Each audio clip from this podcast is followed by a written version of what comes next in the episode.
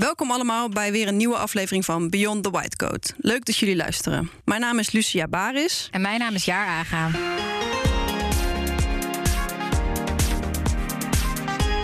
In deze podcast bespreken we samen met onze gasten onderwerpen die ons jonge dokters allemaal aangaan, buiten het vakinhoudelijke om en daarom dus Beyond the White Coat. Vandaag gaan we het hebben over het toekomstbestendig maken en houden van de zorg en wat dat voor ons jonge dokters betekent. Onze gast in deze aflevering is Peter Bennemeer. Peter is bestuurder geweest van een groot perifeer ziekenhuis en hij heeft in dat ziekenhuis transformaties doorgevoerd om zinnige zorg te stimuleren. Welkom Peter, fijn dat je er bent. Dankjewel. Zeker leuk, welkom Peter. Laten we beginnen met een probleem waar Jaar en ik al heel veel over gepraat hebben en waar wij ons wel heel veel zorgen over maken. We weten dat heel veel collega's dat ook doen, namelijk het sombere arbeidsmarktperspectief voor jonge klaren. En dat is nu aan de hand voor heel veel soorten specialismen. Daar heb je echt geen weet van als je geneeskunde gaat studeren en je denkt, nou goed, ik kom toch wel aan de bak, want ik uh, heb twaalf jaar gestudeerd en uh, nog een promotietraject op zak. Maar nu hoor en lees je eigenlijk steeds vaker dat mensen of zich laten omscholen, of in de WW zitten, of gratis opereren om maar aan hun uren te komen. Ja, en dat is natuurlijk los van dat het heel triest is voor diegene, is het ook een soort kapitaalvernietiging, want er wordt heel veel geïnvesteerd in vanuit de overheid in het opleiden van medisch specialisten specialisten. Hoe denk jij erover, Peter? En wat zou volgens jou moeten gebeuren om dit probleem aan te pakken? Want we horen ook vaak dat loondienst wordt genoemd als een van de opties om dit op te lossen. -hmm. Nou ja, kijk, dit is natuurlijk een vraagstuk wat, wat niet een kwestie is van uh, uh, loondienst of uh, in een maatschap. Deze ligt wat fundamenteler. Die modellen kunnen wel helpen, maar uh, je moet toch eerst even kijken, hebben we nou fundamenteel een probleem, ja of nee? En het is een beetje gek, hè? want als je, als je kijkt naar de zorg, dan zijn er overal wachtlijsten. En hebben we met z'n allen eigenlijk de conclusie getrokken, uh, als je ook kijkt naar het aantal artsen wat burn-out heeft, het moet anders. En ik denk dat daar eigenlijk ook uh, de kern van de uitdaging zit.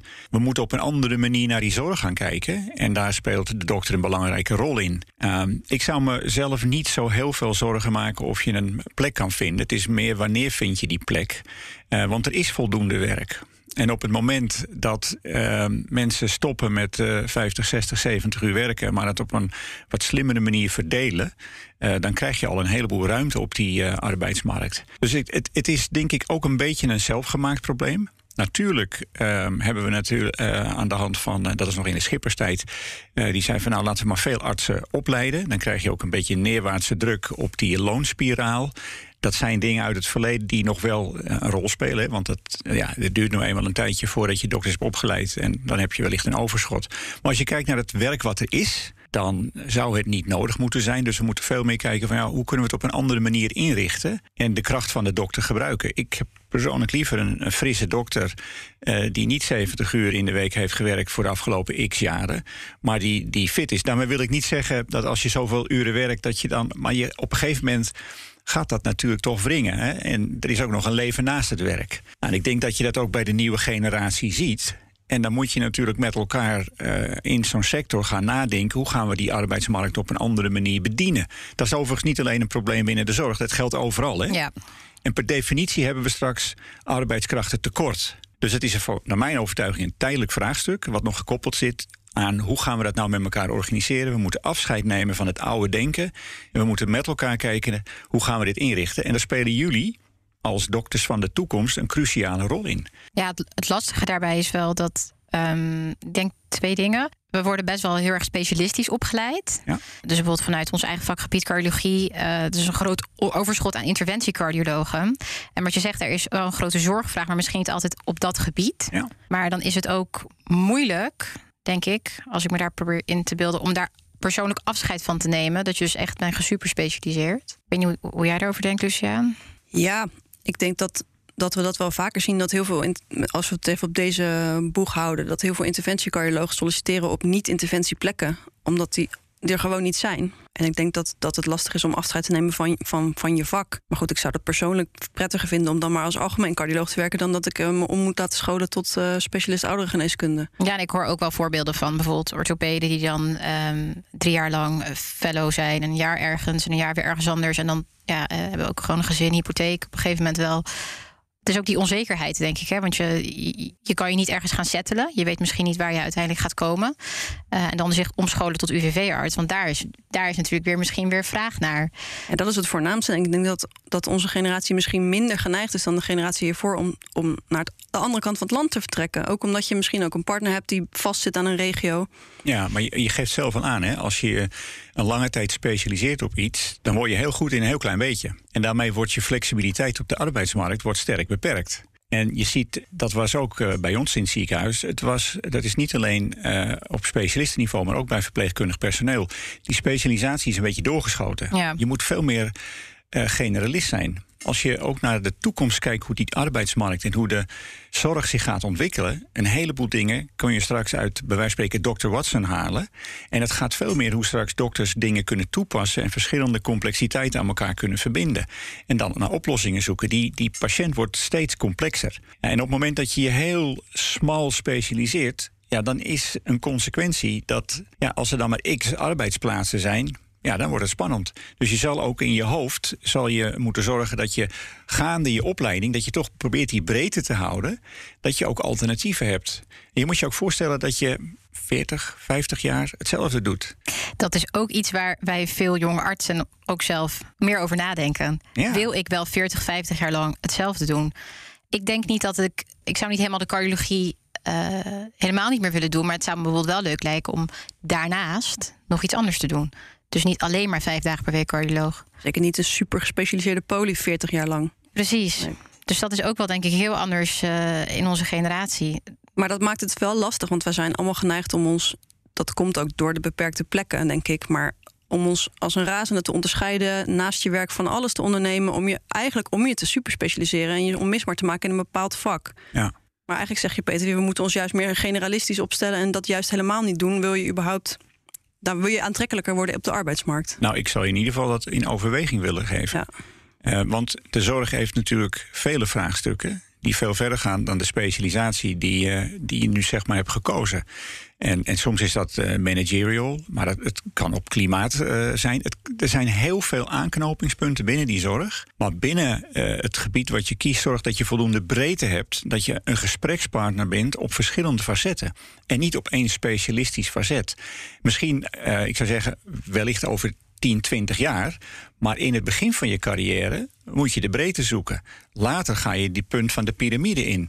En dan kan je zeggen, ja, daar ben ik gewoon zo verschrikkelijk goed in. Dan heb ik ook werk. Maar probeer wel, dat zou mijn advies zijn, probeer wel de breedte in, in het gebied wat je kiest zoveel mogelijk op te zoeken. Ja, dan ben, je, van, dan ben je echt van waarde. En dan dus ook meer outside of the box. Dus niet hoe we dat nu vaak doen, de breedte in een promotietraject. Nee. In hetzelfde vakgebied. Maar inderdaad, problemen als klimaat, management, uh, duurzame inzetbaarheid. De, de, dingen, ja. De, de echte vraagstukken die Kunst. hierachter liggen. Ja, bijvoorbeeld, ja. Ja, want kijk, eh, als ik wel eens cv's kijk, dan denk ik, ja, dat zijn super zware cv's, maar op de vierkante millimeter. En ik zou liever mensen in mijn omgeving willen hebben die op een andere manier kunnen denken, die creatief zijn, dat je complementair bent aan het geheel. Want als je allemaal hetzelfde bent, dan, je krijgt ook de neiging om hetzelfde te zoeken, hè? maar daarmee wordt het niet per saldo beter. De wereld is ongelooflijk complex, verandert supersnel. Dat betekent dat je dus een mate van wendbaarheid moet hebben.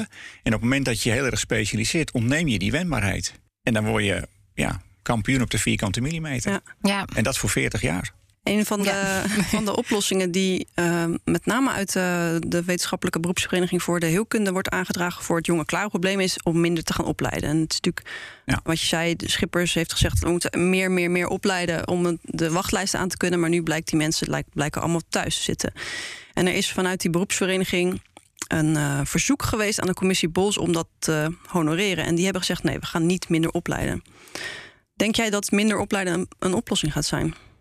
Nou, ik, het, ik- uiteindelijk is het niet een oplossing voor, voor het fundamentele probleem. Nee. Het is wel een oplossing als je minder instroom hebt. Ja. Maar als je dan even teruggaat naar kijkend naar de hoeveelheid werk. eh, kijkend hoe zeg maar, de jonge dokters tegenwoordig in het leven staan.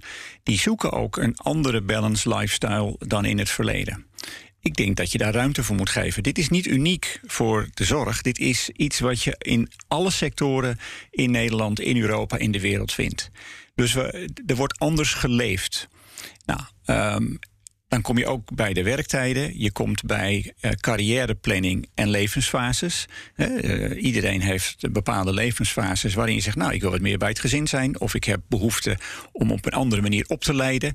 Uh, iets extra's te doen, iets minder te doen. En dat, dat moet je als een harmonica moet je dat een beetje modereren. Nou, op het moment dat je dat niet in je model hebt zitten, dan kan je dat niet faciliteren en krijgt het remmende werking. En als je dus niet bereid bent om over dat fundamentele vraagstuk na te denken, dan kom je met de oplossing: we gaan minder opleiden. Ja.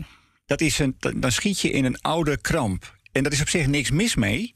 Maar het is even symptoombestrijding. Ja. Je lost daar niet de oorzaak mee op. Die ligt een paar uh, slagen dieper. En hij is niet uniek voor de zorg. Je hebt het overal.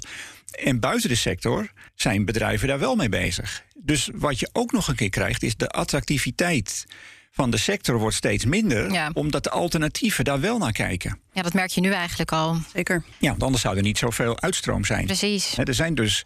Want kijk, eh, veel sectoren zeggen: oké, ik kijk naar de opleiding. Ik kijk of die personen op een bepaalde manier een denkvermogen hebben. En de rest leren ze wel. Ervaring is een kwestie van tijd. Hè? Ja. Dus eh, ook met jullie diploma's. Ja, je kan, je kan zoveel andere dingen gaan doen. Maar iedere opgeleide dokter heeft de maatschappij een miljoen gekost.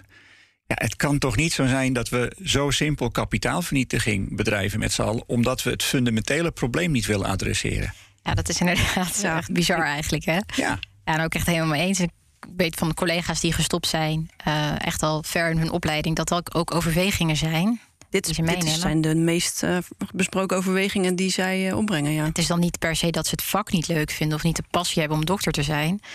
Maar het speelt allemaal wel mee. Hè. Je hebt geen, er is geen ruimte om je ook op andere gebieden te ontwikkelen. Je bent alleen maar 80 uur per week met die poli bezig of met de kliniek. ja. En, en de gelijkwaardigheid. Hè, ehm, als je straks dan in zo'n organisatie komt. Ja, dan wil je niet vervolgens vijf tot tien jaar eerst eh, als de jongste bediende behandeld worden. Eh, dat je allerlei dingen moet gaan doen. Dan, dan, wil je ook een beetje erkenning hebben voor de investeringen die je gedaan hebt. En je, en je wil ook met de eh, artsen die het goed weten, die die, die ervaring hebben, daar, daar wil je goede, ja, daar wil je maximaal van kunnen leren.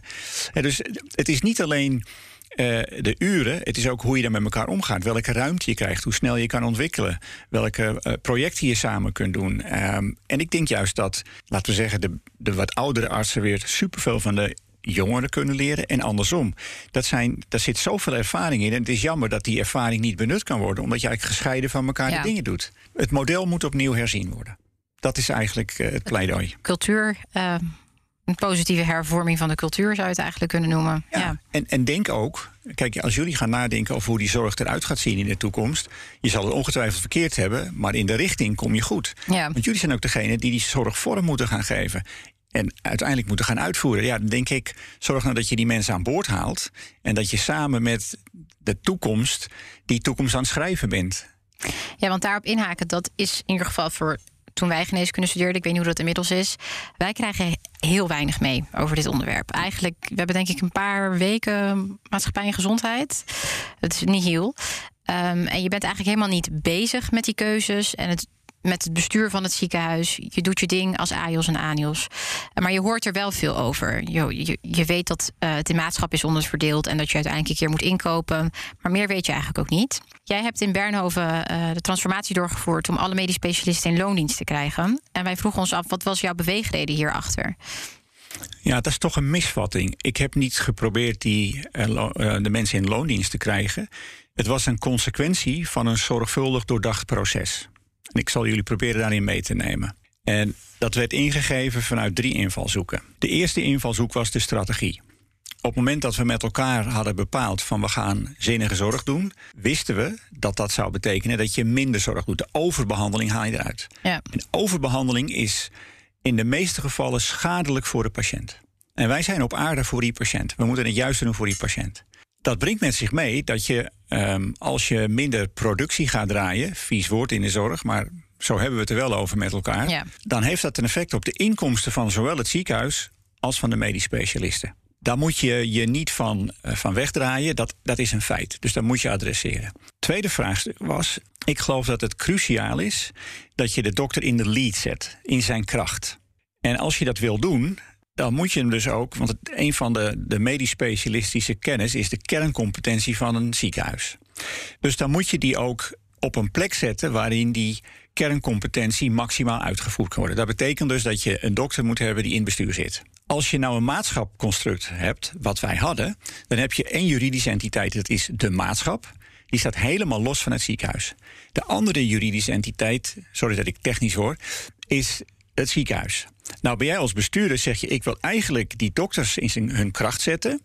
Dus die wil je de formele verantwoordelijkheid geven om de medische strategie te bepalen.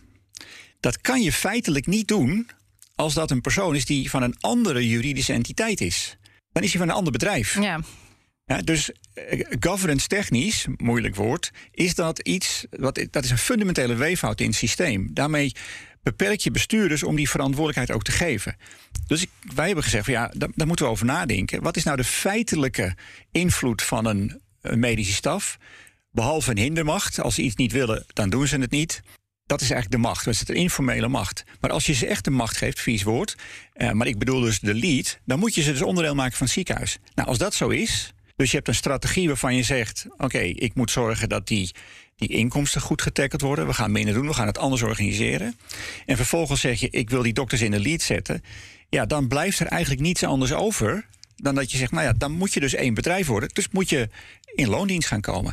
En dan is loondienst is een uitkomst. Ja. Nou, een derde belangrijke bijdrage aan deze discussie was van ja, de jonge dokters zitten anders in de wereld. Uh, wij moeten ze op een bepaalde manier comfort bieden. Die willen niet met 300.000 euro investeren. Niet in de wetenschap of ze 40 jaar op dezelfde plek willen zitten. Want dat was vroeger het geval. Hè? Je werd arts. Je kon in je agenda schrijven wanneer je over 40 jaar met pensioen ging. Dat is niet meer. Uh, er zijn verschillende levensfases waar uh, de jonge dokters gebruik van willen maken. Um, ze willen carrière maken. Nou, dat kan in een grotere organisatie makkelijker. Dus dat was de derde reden. Het is een resultante van een zorgvuldig doordacht proces. Waarbij de governance geadresseerd is, inkomensvraagstuk in de context van strategie, maar ook van wat wil die jonge dokter nou voor de toekomst? En daar kwam dit uit. Ja. Dus was meer de uitkomst van de strategie.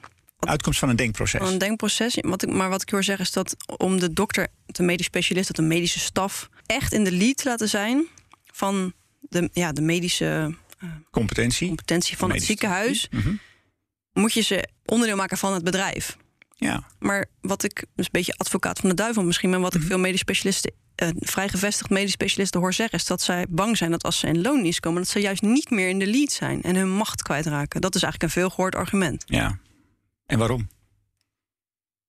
Yo, ik heb een autonomie kwijtraken misschien. Ja, maar autonomie heb je in de spreekkamer. En daarom zei ik net even heel bewust: wat is nou de formele invloed van een medische staf? Die is er niet. Ze worden gehoord. En de, de, de, het machtswoord zorgt ervoor dat als, het, als er iets gebeurt wat ze per se niet willen, dat de voet op de rem wordt gezet. Maar dat is iets anders, dat die in kracht wordt gezet. Dat is een defensieve kracht. En je wil juist een offensieve kracht hebben. Je wil, ik heb me nooit bemoeid met wat zijn nou zinnige zorgprojecten. Ik heb tegen de dokter gezegd: Ik heb er sowieso geen verstand van, dat is lekker makkelijk. Jullie vertellen mij wat zinnige zorg is. En ik ga zorgen dat jullie het kunnen uitvoeren. Ik ben van de randvoorwaarden, jullie zijn van de inhoud. Nou, ik heb ze ook benoemd in bestuur. Ja, dan zijn ze verantwoordelijk voor de strategie. En dat kon ik ook doen, want als het niet goed gaat, dan kan ik ze er ook op aanspreken. Want ze zijn onderdeel van dezelfde organisatie. Als we er van buitenop worden aangesproken, dan kan dat ook. Maar als het een andere organisatie is, dan ligt je primaire verantwoordelijkheid ligt bij die organisatie waar je baas van bent, of onderdeel van bent. Dat betekent niet dat je uh, niet kan meedenken met de andere kant, dat is het niet. Maar dan wordt het, dan wordt het een dienstverlening. Als je het even heel zwart-wit bekijkt, dan wordt het een dienstverlening die je doet. Is er ook sprake van een belangenverstrengeling dan, als je dit zo, hoe je dat net schetste, met die juridische entiteiten? Nou, niet per se. Niet per se, want uh, dat, dat kan het wel worden als een MSB voor meerdere ziekenhuizen werkt. Want dan moet je keuzes maken. Dan zou je kunnen zeggen, ja, uh, ik moet oppassen dat dit MSB niet meer tijd. Nee, ik denk dat ik meer qua inkomsten bedoel. Nou ja, kijk, wat, wat vaak uh, gedacht wordt als je mensen in loondienst neemt, dat dan de inkomsten lager worden. Maar die inkomsten worden alleen dan lager als je minder werkt. Maar dat was namelijk in een maatschap ook. Als je minder werkt, heb je minder inkomsten. Ja. Dus uh, ja, dat verschil zit er niet. Ik heb de mensen gewoon overgenomen uh, die toen in de maatschappij op de honorering die ze hadden. Ik heb gezegd, dit is jullie, dit is jullie loonsom, hè, dus dat, wat jullie aan, aan, inkomen mogen verdelen voordat jullie in loondienst gaan. Ja. Nou, zeg maar hoe je de verdeling wil hebben. Jullie hebben er vroeger een verdeling voor gehad. Als jullie dat goed vinden, laten we het zo. Als die anders moet ook. Gaan jullie over, ga ik niet over. Nou, daar hebben ze een keuze in gemaakt. En zo zijn we gestart. Ja. En dat is een substantieel hoger bedrag dan wanneer mensen bij wijze van spreken via de CAO komen. Maar goed, daar hing ook een andere werktijd aan. Daar hing ook een hele andere, uh, zeg maar, andere werkuren aan. Dus nou, daar moet je met elkaar over spreken. Maar vergeet niet dat de grote MSB's in de ziekenhuizen... die hebben allemaal dokters in loondienst. Want als, jullie, als, jullie straks beginnen, gaan jullie in loondienst. Ja, dat zijn we chefs, ja. Dus je kan niet zeggen van ja, ik, loondienst is geen goed model... want je past het zelf toe. Ja, dus ja, ik ben eigenlijk wel benieuwd. Nu we het hier zo bij hebben, we zijn hier met twee jonge dokters. Uh, hoe zie jij dat later voor je? Maatschap, loondienst?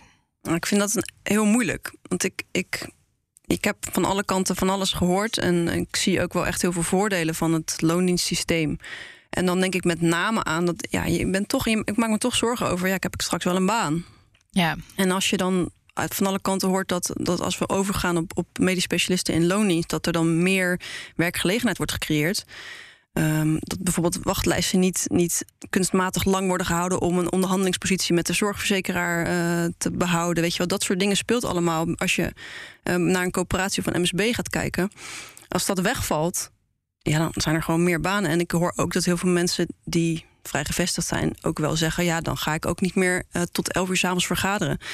Uh, dus mensen gaan, nou ja, om het om te zeggen, een uur aanpassen. Dus er komt meer komt meer vrij, denk ik. Komt als ik, als ik daar naar kijk en uit mezelf redeneer, denk ik ja, ik denk dat we dat gewoon lekker moeten doen. Ja, maar ik hoop ook dat je kijkt naar de fundamentele drijvers die erachter zitten. Hè? Uh, want dat bepaalt de houdbaarheid. Als je kijkt naar alleen wat is voor mij goed, en ik wil je niks in de mond leggen, begrijp me niet verkeerd. Maar dan kan je tot andere conclusies komen, omdat dat vanuit het gezichtsveld wat jij. Ik, ik, ik snap het, hè, dat je je terecht zorgen maakt als je straks twaalf jaar gestudeerd hebt en, je staat op straat. Maar ik denk dat dat niet gaat gebeuren. Ik denk dat het een kwestie van tijd is. En dan is het even misschien vervelend dat het wel in die periode zit. Dus daar moet je wel mee dealen. Maar goed, daar hebben we het net over gehad. Maar er, er is een. Uh, ik denk dat. Ik, word, ik ben wel tientallen keren gebeld door jonge dokters hè, die eigenlijk dit soort vraagstukken hebben. En dan denk ik wel eens van ja, ik denk niet dat jullie het besef hebben hoeveel mensen zich realiseren dat het anders moet. En hoe krachtig zo'n beweging kan zijn. En er is niemand op tegen om een goede beweging te maken, maar je moet met elkaar in gesprek. En uh, ieder die in een bepaald model zit en die daar comfortabel in zit, die wil dat niet opgeven. Dat is logisch, dat is menselijk. Dat zouden jullie en ik ook doen. Ik denk ook dat we niet helemaal de handvaat hebben. Wat ik net ook al schetste, dat we niet zo goed het gevoel hebben dat we niet genoeg verstand van hebben. En ook dat we misschien niet zo goed durven. Ik denk dat dat ook, want het is een uh, het is een cultuur, hè, de maatschappen. Dat is gewoon al, al jaren is dat zo. Ik denk wel dat je gelijk hebt dat heel veel van ons hier uh, zich in kunnen vinden en ook eigenlijk an het anders zouden willen. Maar ik vraag me af of, uh, of zo'n beweging durft op te staan. Ja, ik denk niet dat het alleen maar jonge dokters zijn. Ik denk ook dat, ja. dat de gevestigde orde ook. weet dat het anders moet om het houdbaar te houden. Dat denk ik wel. Ja, ik, mijn inschatting is, als ik gewoon kijk met de gesprekken die ik voer, ook met heel veel dokters die nu zeg maar, in de maatschap zitten. Ik denk dat meer dan twee derde eigenlijk het anders wil. Dat is veel. Ja, ja absoluut. En uh, natuurlijk, uh, daar waar het geluid gemaakt wordt, dat zijn de mensen die dit natuurlijk graag willen behouden. En terecht, en die hebben er ook argumenten voor. En als die argumenten goed zijn, moet je er ook naar luisteren. Maar ga het gesprek aan. Ga het gesprek. De wereld is aan het veranderen. Ja. Wacht niet tot het je overkomt. Zorg dat je de toekomst zelf mee kan schrijven. Er ligt een motie, die is aangenomen bij de Tweede Kamer, dat dokters in loondienst moeten. Ja, ik vind dat heel slecht. Moeten. Je moet denk ik als, als, uh, als, als dokter zelf het initiatief nemen. Nee, en de FMS kan het doen. Die zegt, nou oké, okay, hier, zo willen wij erover nadenken. En dat zijn de goede voorwaarden. Zodat die patiënt, want daar gaat het uiteindelijk om, de beste zorg gaat krijgen. Zeker. Oh, de dienstpieper. Dienstdoende belt. Ja. Hoi, met Charisma. Ik ben artsonderzoeker bij de cardio en de GIEN. Start binnenkort met de opleiding voor de GIEN en ben landelijk bestuurslid van Stichting Medical Business. Dat is een organisatie die zich inzet om de kennis en kunde van jonge artsen te vergroten op gebieden zoals bestuur, organisatie en financiering van de gezondheidszorg. Uh, dat doen we al een tijdje, maar ik denk dat de afgelopen twee jaar uh, voor iedereen heel erg duidelijk hebben gemaakt waarom het zo belangrijk is dat we straks ook mensen met vakkennis, met medisch inhoudelijke kennis aan het roer hebben staan om uh, beleid te maken. Uh, we staan namelijk echt voor ontzettend veel uitdagingen in de zorg. Hè. We hebben de krapte op de arbeidsmarkt voor jonge klaren. Voor bepaalde specialismes kan niemand ontgaan zijn. Maar tegelijkertijd echt een ontzettend tekort aan verpleegkundigen en ander personeel. Uh, waarbij we weten dat dat tekort alleen maar gaat groeien. Want we leveren ook steeds meer zorg. We kunnen meer, we willen meer. En dat alles zit ook een kostenplaatje. Wat ook weer zo erg groeit dat andere sectoren er misschien over een paar jaar door echt in de verdrukking komen. Dus het is allemaal nog best wel lastig. Ik ben er alleen zelf echt vol van overtuigd dat we als dokters daar ook een rol in hebben. En niet meer kunnen wegkijken van de verantwoordelijkheid om daarover mee te denken. En niet denken van joh, de overheid lost het wel op of de politiek. Uh, maar uh, onderwijs jezelf ook. Zorg dat je het systeem begrijpt, zodat je ook echt veranderingen kunt, kunt waarmaken. En uh, nou, dat is onder andere wat we, met, wat we met Medical Business proberen te bereiken. Dus um, in dus de hoop dat we met z'n allen al deze bestuurlijke problemen gaan, gaan oplossen. Want ik denk echt dat wij daar een, daar een leidende rol in kunnen hebben. Dus ik ben benieuwd wat jullie daar zelf van, van denken en zelf van vinden. Ja, Karishma. Ja, leuk dat ze even er uh, licht wil schijnen over deze, ja, deze onderwerpen waar zij wel wat meer van af weet dan wij. Ook doordat ze zo met Stichting Medical Business bezig is. Maar het feit eigenlijk dat we heel weinig van ons medical business kennen. Ja, dat noemt ze ook. Hè? We worden ja. er niet in opgeleid. Ja. ja. Denk je dat we daar meer mee bezig moeten zijn al in geneeskundeopleiding? Ja, ik denk het wel. Kijk, je ziet nu de beweging van hoe, hoe kunnen we beter met die patiënt communiceren. Hè? Ook altijd een groot vraagstuk. Um, maar de systeemvraagstukken uh, we, we, hebben eigenlijk een systeemcrisis in de zorg. En uh, we draaien in rondjes. We zijn hartstikke goed in het stellen van de diagnose. Maar we vinden het heel moeilijk om harde keuzes te maken, omdat die pijn gaan doen. En ik denk dat het daarom van belang is dat je ook in het curriculum ruimte krijgt om over zeg maar, bestuurlijke vraagstukken te kunnen nadenken, in ieder geval mee te kunnen denken. En dat jullie mentaal flexibel gehouden worden. Dat je die wendbaarheid, die zo belangrijk is in, in de wereld van vandaag, dat je die ook, ook ergens in je opleiding geborgd krijgt. Dat is nu niet het geval. Uh, ik weet dat uh, de Radboud, die is daar uh, actief mee bezig. Die hebben meer ruimte voor dat soort vraagstukken. Maar dan moeten de opleiders, die moeten daar gewoon goed over nadenken. De wereld is nu complexer dan alleen het kunstje doen. Met respect, hè.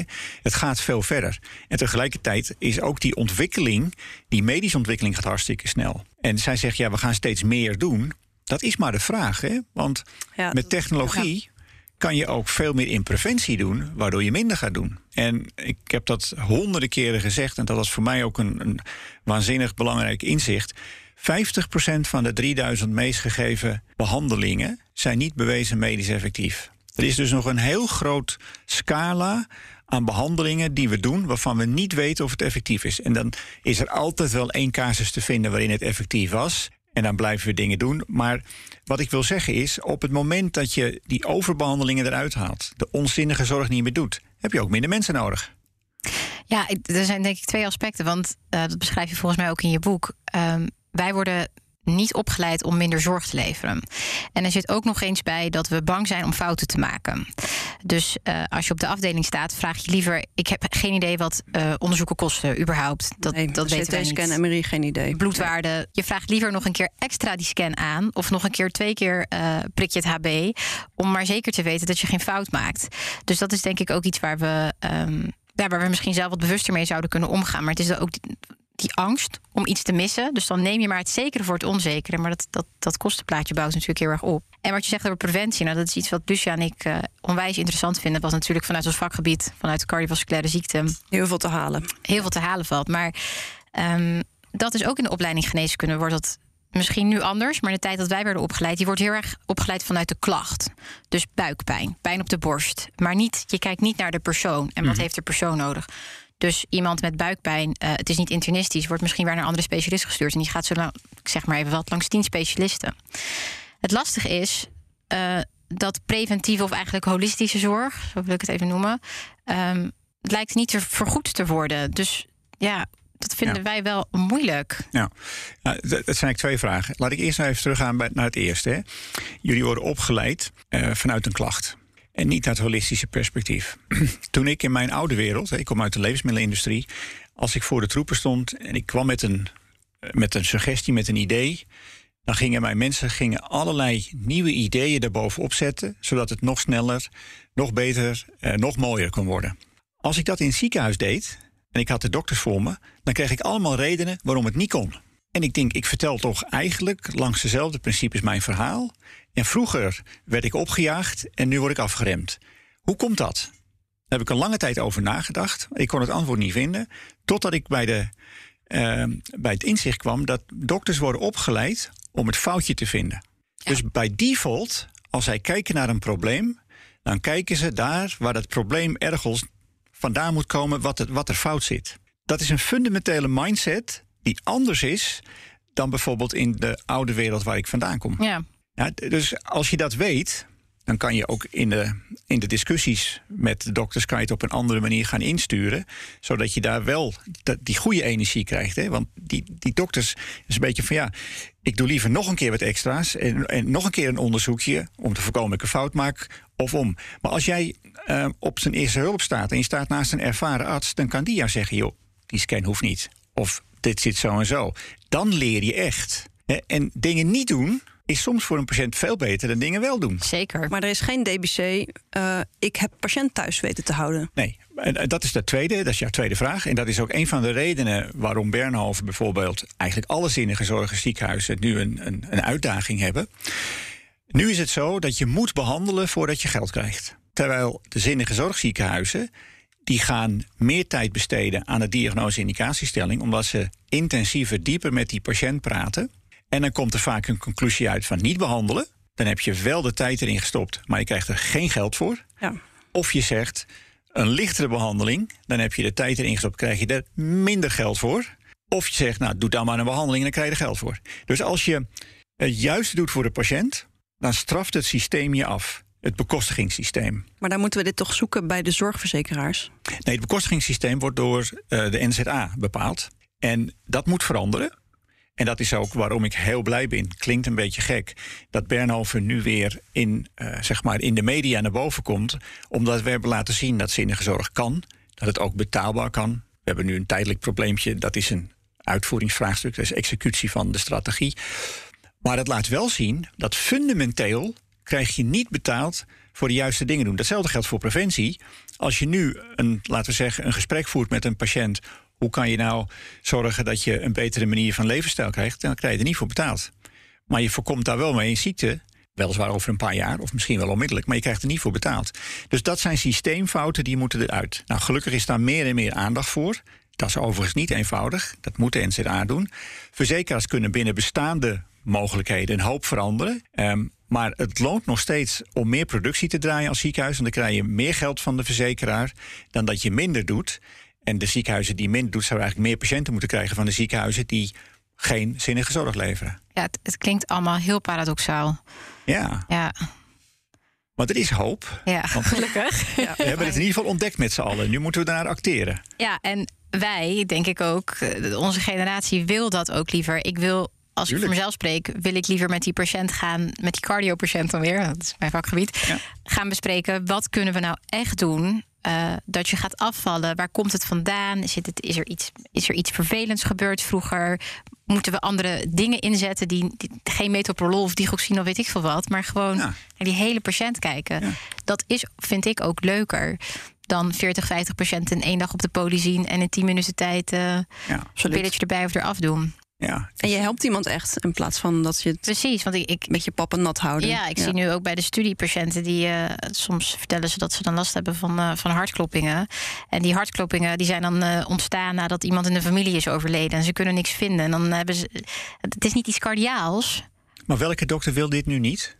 Geen één, denk Geen ik. één, denk ik. Okay. Dit geeft zoveel voldoening. Ja, ja. antwoord. Ja. ja. Snap je? Alleen Ga dat gesprek aan. Breng het in het openbaar. En ik, ik bedoel niet hier op de radio, maar probeer um, dat gesprek te voeren. Want er is niet, kan niemand op tegen zijn. Ook onze dokters. Ik, toen wij het voor het eerst zeiden, joh, we doen te veel behandelingen. Nou, dat doen natuurlijk doen we dat niet. Dat is de eerste reactie. Maar als je met elkaar in gesprek gaat, ja, dat kan wel anders. En die werden super blij. Dat is het beste wat je. Zo, daarom ga je die opleiding doen.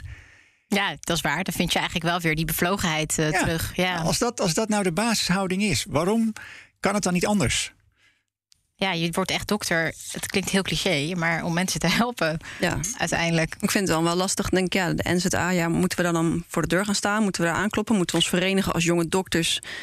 Nee. ja, er zijn natuurlijk al verenigingen voor, maar hoe pakken we dit aan? Ja, kijk, de, de NZA-vraag dat de FMS kan een rol spelen, maar dat moeten wij ook doen als bestuurders van ziekenhuizen. En dat, dat, dat heeft de aandacht. Ik, ik persoonlijk ben er al ja, intensief probeer ik dat onder de aandacht te brengen, omdat ik als ervaringsdeskundige vanuit de rol die ik heb gehad, heb ik het gezien. Alle casuïstiek komt op hetzelfde moment uit.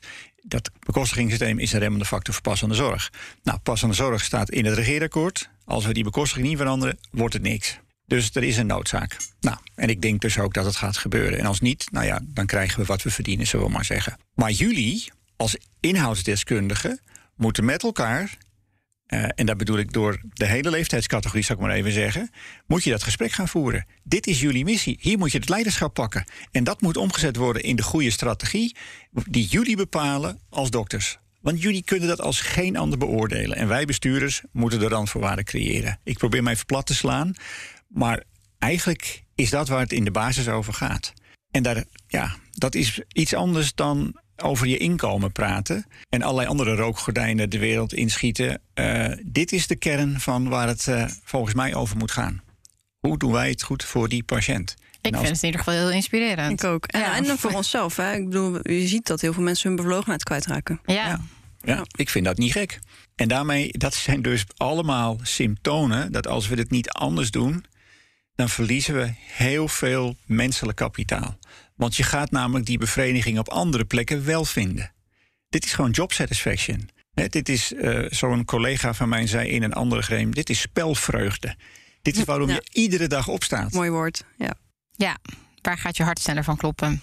Ja, in positieve zin. Ja, niet die hartklopping waar ik het net over had. Nee. Ehm, je schrijft in je boek ook over een periode in je leven waar je zelf patiënt bent geworden. Ik vind dat een heel mooi uh, deel van het boek, waarin ook een deel kwetsbaarheid naar voren komt. Hoe was het voor jou om toen op die stoel uh, van patiënt te zitten nadat je je echt jarenlang hebt ingezet voor, voor de zorg vanuit een ander perspectief? Mm. Ja, dat was wel leerzaam. Nou kijk, dat wat ik had was natuurlijk niet zo prettig. De impact was daarvan groot. Opeens is het namelijk een vraag over leven en dood. En de dood leek echt om de hoek te staan. Uh, en dan, dan moet je je voorstellen dat je uh, jarenlang in een bestuurlijke rol zit, waarin je in ieder geval het idee hebt dat je de regie hebt over de toekomst. Dat idee heb je in ieder geval. Als je dan opeens patiënt, patiënt bent met, met deze diagnose, ja, dan realiseer je dat je de regie totaal kwijt bent. Je, je komt een soort van in een, in een achtbaan terecht, een rollercoaster die niet te volgen is. Um, nou ja, ik ga dan proberen te begrijpen wat ik heb en wat de consequenties zijn. En eh, is het te genezen? Is het te voorkomen? Had ik het anders moeten doen? Nou ja, alles wat je maar kan bedenken. Los van het feit dat ik de eerste twee, drie dagen alleen maar bezig was om alles uit de kast te halen om te kijken of mijn gezin goed zou achterblijven. Heb ik het allemaal wel goed geregeld? Ik was ervan overtuigd dat ik dat goed gedaan had. Maar ik dacht toch van onderweg, oh, eh, dit is niet helemaal duidelijk. Hoe zouden ze dat uitvinden? Dus er gebeurt, er gebeurt van alles. En dan kom je, dan, dan wordt er een behandeling uitgedacht. Um, en dat gaat allemaal zo snel dat je eigenlijk geen tijd hebt om je te realiseren, ja, wat overkomt mij? Dus op een gegeven moment zeg ik, oh, even op de rem, even stoppen. Even terug, even afstand nemen.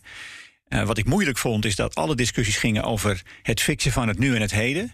Terwijl mijn vraag was, oké, en daarna dan? Ja. Hoe gaan we dan voorkomen dat het weer terugkomt? Stel dat we het weg kunnen halen. Dus ik zat alweer drie, vier stappen verder te denken. In, in die behoefte aan regie te hebben en, en scenario denken. Terwijl ik echt vastliep op van, nou, we gaan eerst dit doen. En als dat opgelost gaan we verder kijken. En als het dan nodig is voor iets anders, dat zien we dan wel weer. Ja, dat paste zo niet bij mijn manier van denken. Ja, dat, dat was moeilijk. Maar ook dat je, ja, opeens gaat iemand anders je leven bepalen. Dat is, ja, ik vond dat uh, lastig. Ehm, ja, en dan krijg je te maken met allerlei protocollen. En, en dan denk je, ja, waarom doen we dat dan? Ik stel de waarom-vraag. Um, en tegelijkertijd zie je dat iedereen vanuit de, de beste intentie daarmee bezig is. Want iedereen wil jou dan zo snel mogelijk en zo goed mogelijk helpen. Dus je, je wordt een beetje verscheurd. Ja, ik kan alleen over mijn eigen ervaring spreken natuurlijk. Maar dan word je een beetje verscheurd tussen het goede en juist toch even willen wachten om het beter te begrijpen, om over alternatieven te spreken. Uh, je gaat op zoek van wie is de beste arts die dit kan doen. Al moet ik naar weet ik waarheen gaan, maar ik heb nu de beste arts nodig die uh, mij kan helpen. En dan kom je tot ontdekking dat niet te vinden is. Weet je, je kan zoeken en nou ja, goed, dan ga je bellen. En ik zit dan, zat in een gelukkige positie dat je dat kan doen. Maar je zal toch gewoon patiënt zijn. En ja, dat kan niet. Maar je zit wel met die vraag. Dus je komt tot de ontdekking dat een heleboel van de vragen die je normaal gesproken in andere situaties kan stellen waar een antwoord op is, hè, dat het bij de zorg verdomd weinig transparant is. Ja, ik vind het heel mooi hoe je dat schetst. Want wij beseffen ons, denk ik, in onze rol niet weinig kwetsbaar ja. de patiënt tegenover ons is. Ja. ja. En tegelijkertijd is dat ook wel goed. Hè? Want als jullie de zorg van iedere patiënt mee naar huis nemen. Ik heb het ook aan mijn dochter gezien. Als je super begaand bent met die patiënt, dan sleep je het ook constant mee. Dat beperkt je ook. Hè? Dus je, en, je, en ik heb haar ook zien veranderen. Dat je zegt, nou, op een gegeven moment kan je professioneel afstand nemen. Maar je moet je wel beseffen dat jij op dat moment eigenlijk de enige bent met dat specifieke probleem, wat levensbedreigend is, die daar een antwoord op kan geven. En misschien heb je het antwoord niet. Ja, ik besef me dan dus niet dat uh, iemand naar huis rijdt en gaat nadenken over hoe laat ik mijn gezin achter. Ja. Dus het is heel heftig om uh, in je eentje in de auto over na te denken. Dat, dat, ja, dat, dat, het is voor ons ook niet gezond om inderdaad, wat je zegt, alles mee naar huis te nemen. En ik denk dat ook, maar ik denk dat het wel een verschil is tussen daar wat meer bij stilstaan en uh, je, het, je, legt, je echt laten opeten thuis. En daarnaast denk ik dat um, Kijk, niet iedere patiënt zal hetzelfde zijn. En zullen misschien veel, veel minder diepgaand zijn dan jij hierover na hebt gedacht. Maar heb je wel het idee gehad dat er wel ruimte voor was om dat neer te leggen? Ja, zeker. Dat wel. Kijk, vergeet ook niet. Ik ben natuurlijk niet, ik ben natuurlijk niet zo representatief. Hè? Je zit in een bevoorrechte positie. dus uh, in die zin moet je je ook realiseren uh, dat dat voor andere patiënten misschien heel anders is. Uh, ik kon die vraag stellen. En ik denk ook dat we in ziekenhuizen steeds beter georganiseerd zijn om dit soort problemen ook het hoofd te bieden. Maar er wordt zo makkelijk voorbij gegaan aan wat het betekent voor de echtgenoot, voor de kinderen. En hoe dat uitwerkt in het gestel van de patiënt, hoe, hoe fit die is. Weet je, en dan ook, als je, als je dan een operatie moet ondergaan, zorg dat die patiënt maximaal geprepareerd is. Begeleid hem ook dat hij super gezond is, dat hij bepaald eetpatroon verandert, weet ik voor wat. Dat hij dus beter door die operatie komt, sneller eruit is.